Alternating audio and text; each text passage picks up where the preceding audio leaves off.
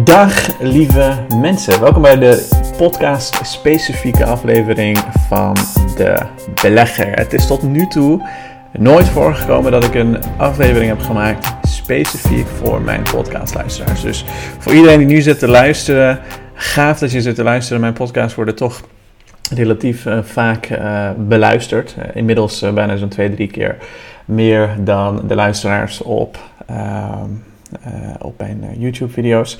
Dus fijn dat je er weer bij bent. Goed dat je weer bent ingeschakeld. We gaan er een leuke aflevering, denk ik, uh, van maken. Want we gaan het hebben over kunstmatige intelligentie. Hoe kan het ook anders? Als je een beetje mij volgt, dan weet je dat alles wat ik doe in het kader is van het beleggen in de aller allerbeste bedrijven. De serieuze dingen kunnen doen die echt de wereld kunnen veranderen. En idealiter niet in een fase zitten die heel erg speculatief is. Hè. Heel veel mensen beleggen toch uh, regelmatig in allerlei speculatieve aandelen. Doe ik zelf overigens ook. Uh, bijvoorbeeld een Virgin Galactic heb ik me ooit mijn geld in gestopt. met winst ook uiteindelijk afgestapt. Maar dat is een speculatief um, aandeel. Een speculatief bedrijf in een speculatieve fase. In de zin dat ze nog niet een ja, minimum viable product hebben, laat ik het zo zeggen. Die daadwerkelijk voor commercieel gebruik uh, worden. Dus ze hebben niet daadwerkelijk klanten die ze betalen nu om dat product te gebruiken. Terwijl um, vrijwel alle bedrijven in mijn portefeuille bestaan op dit moment van bedrijven die al in, laten we zeggen, de execution fase zitten. Dus bedrijven die alleen nog maar de juiste dingen voor een hele lange periode moeten blijven doen. Dus executeren om. Um, om simpelweg uh, de grootste en meest fantastische bedrijven ter wereld uh, te worden. En als je een beetje bekend bent met mijn visie, dus als je een beetje, ja, als je een tijdje meeloopt in deze podcast en dergelijke, dan weet je ook dat mijn visie gebaseerd is op het feit dat het enige wat ons uit allerlei economische malaise kan halen, het enige wat de wereld uiteindelijk verder helpt, is innovatie. Innovatie en technologie.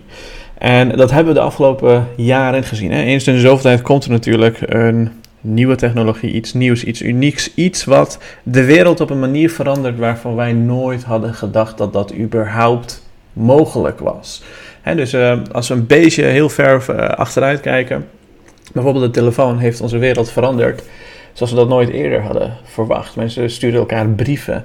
Uh, dat zorgde ook voor meer productiviteit. Mensen konden met elkaar over de hele wereld handel drijven opeens. Veel meer productiviteit dan um, als je een briefje moet uh, sturen, wat uh, toch wel flink lang duurt om, om met elkaar te communiceren in plaats van een telefoontje te plegen.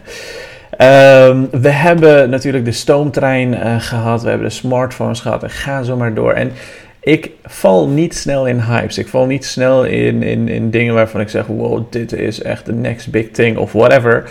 Maar bij kunstmatige intelligentie, hoe meer ik erin duik, hoe meer ik het gebruik, hoe meer ik de mogelijkheden en potentie ervan probeer te peilen, hoe meer ik zie dat dit geen hype is die zomaar wegwaait. Ja, oké, mensen kunnen er misschien wat minder interesse in hebben. Mensen kunnen geflatteerde verwachtingen uh, ervoor creëren. Ik denk dat we nog niet echt in die fase zijn uh, waar de verwachtingen mega geflatteerd of iets dergelijks uh, zijn. Ik denk dat de verwachtingen nu nog steeds relatief reëel zijn. Maar goed, dat heeft ook met andere zaken te maken.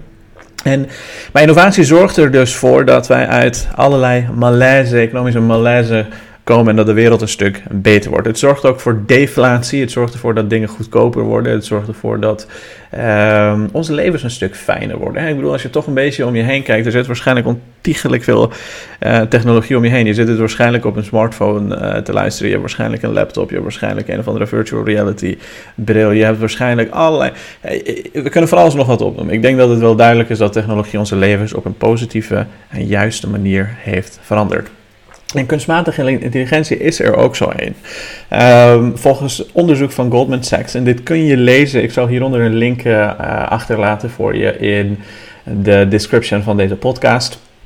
Kun je lezen wat de onderzoek is? Uh, het onderzoek is geweest van Goldman Sachs. Goldman Sachs heeft een onderzoek naar buiten gebracht waarin ze aangeven dat zij verwachten dat generatieve AI, oftewel generative AI, ervoor gaat zorgen dat de wereldeconomie met zo'n 7% gaat groeien. Dat is ongeveer 7000 miljard, oftewel 7 biljoen in correct Nederlands. En um, met 7% de wereldwijde economie groeien, dat is nogal wat. En dat is volgens hun schattingen ook ehm, nou, relatief, uh,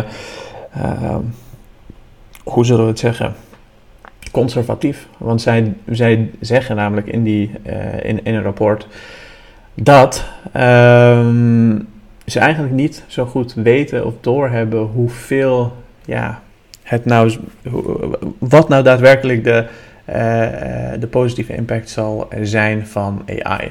Het is, wel, het is wel zeker dat het productiviteit verhoogt. Zeker om bepaalde industrie, als je een beetje naar gaat kijken.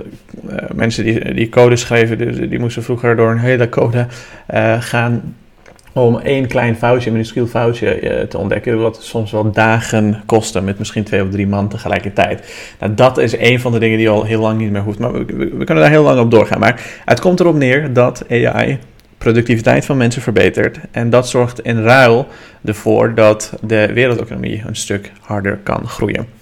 En in dat rapport geven ze ook aan dat het niet per se uh, slecht is voor de werkgelegenheid. Hè? Dus toch een heel uh, breed scala aan mensen die zich zorgen maken over bijvoorbeeld de impact daarvan op banen. En zij zeggen dat er wel een degelijk een groot impact gaat zijn op banen. Wereldwijd verwachten ze dat uh, AI en automatisering zo'n 300 miljoen voltijdse banen, dus fulltime banen, zal gaan vervangen. Maar dat is niet doom en gloom, dat is niet erg. Um, want in ruil zullen natuurlijk nieuwe banen ontstaan die nodig zijn. Hè, bijvoorbeeld dat toen de hele tech-revolutie kwam met internet en dat soort uh, zaken. Um, software developers bestonden niet. Die mensen deden wat anders. En mensen moeten toch ja, altijd een beetje scherp blijven, zichzelf omscholen waar dat nodig is. En in, de, in, in een nieuwe wereld, en nieuwe vaardigheden leren. Noem het, noem het maar op.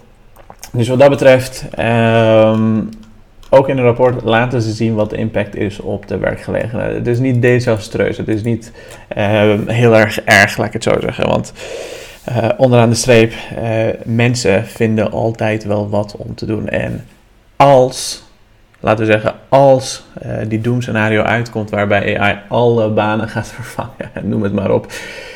Ja, ik denk dat we dan in een wereld zitten ehm, waar we eindelijk weer eens misschien zelf gewoon mens mogen zijn. Hè? Dus dat, uh, uh, je hebt het regelmatig over, mensen hebben het regelmatig over bijvoorbeeld een universal basic income, waarmee mensen zich meer kunnen gaan focussen op de dingen die ze wel leuk vinden, doen, vinden om te doen, in plaats van, laten we zeggen, een, een, een, een, een wc schoonmaken of iets dergelijks. Nou, dat soort dingen moeten gebeuren, maar als je dat door een AI kan laten doen en jij kan je focussen op dingen die jij wel hartstikke leuk vindt om te doen, um, dat, is toch wel een fijne wereld om naar uit te kijken, naar mijn mening.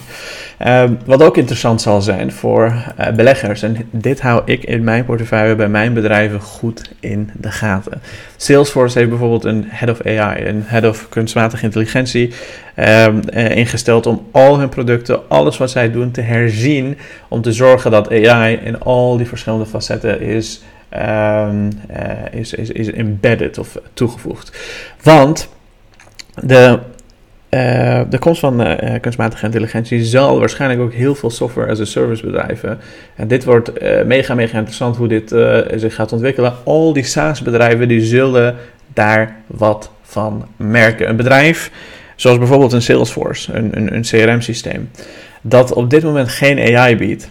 Um, mist ontzettend veel functionaliteiten die klanten willen, nodig hebben en uh, simpelweg ook naar vragen op dit moment. Dus als Salesforce bijvoorbeeld niet op tijd en op de juiste manier innoveert, dan kan er zomaar een x aantal bedrijven zijn, bijvoorbeeld een Microsoft, hè, die hebben ook gewoon een eigen CRM-systeem, die ervoor kunnen zorgen dat Um, uh, dat ze klanten wegjagen bij een, uh, bij een Salesforce. Dus het is wel een tijd waarin bedrijven on top of hun game moeten zijn. Een tijd waarin bedrijven misschien twee of drie keer moeten gaan kijken naar de producten die ze hebben, de waarde die ze voor hun klanten toevoegen. En zorgen dat ze relevant blijven. Want één ding, naar mijn mening, is wel zeker. En um, dat is dat als bedrijven zich niet aanpassen aan deze nieuwe wereld dat ze waarschijnlijk moeite zullen hebben om op de lange termijn nog te bestaan. Nou goed, dat waren even mijn gedachten voor vandaag over kunstmatige intelligentie. Als je deze podcast interessant vindt en als je het onderzoek wil lezen wat ik net naar refereerde, check even de link hieronder. En ehm, laat me weten wat je van deze podcast vindt. Laat ook even, je kan tegenwoordig ook reviews achterlaten op podcast schijnbaar, dat wist ik niet. Ehm, dat is hartstikke tof, dus laat even een mooie 5 sterren review achter. Dat zou ik hartstikke tof vinden. En daarmee help je natuurlijk ook deze podcasts hoger ranken in de uh, podcast. Dus dankjewel en ik zie je snel.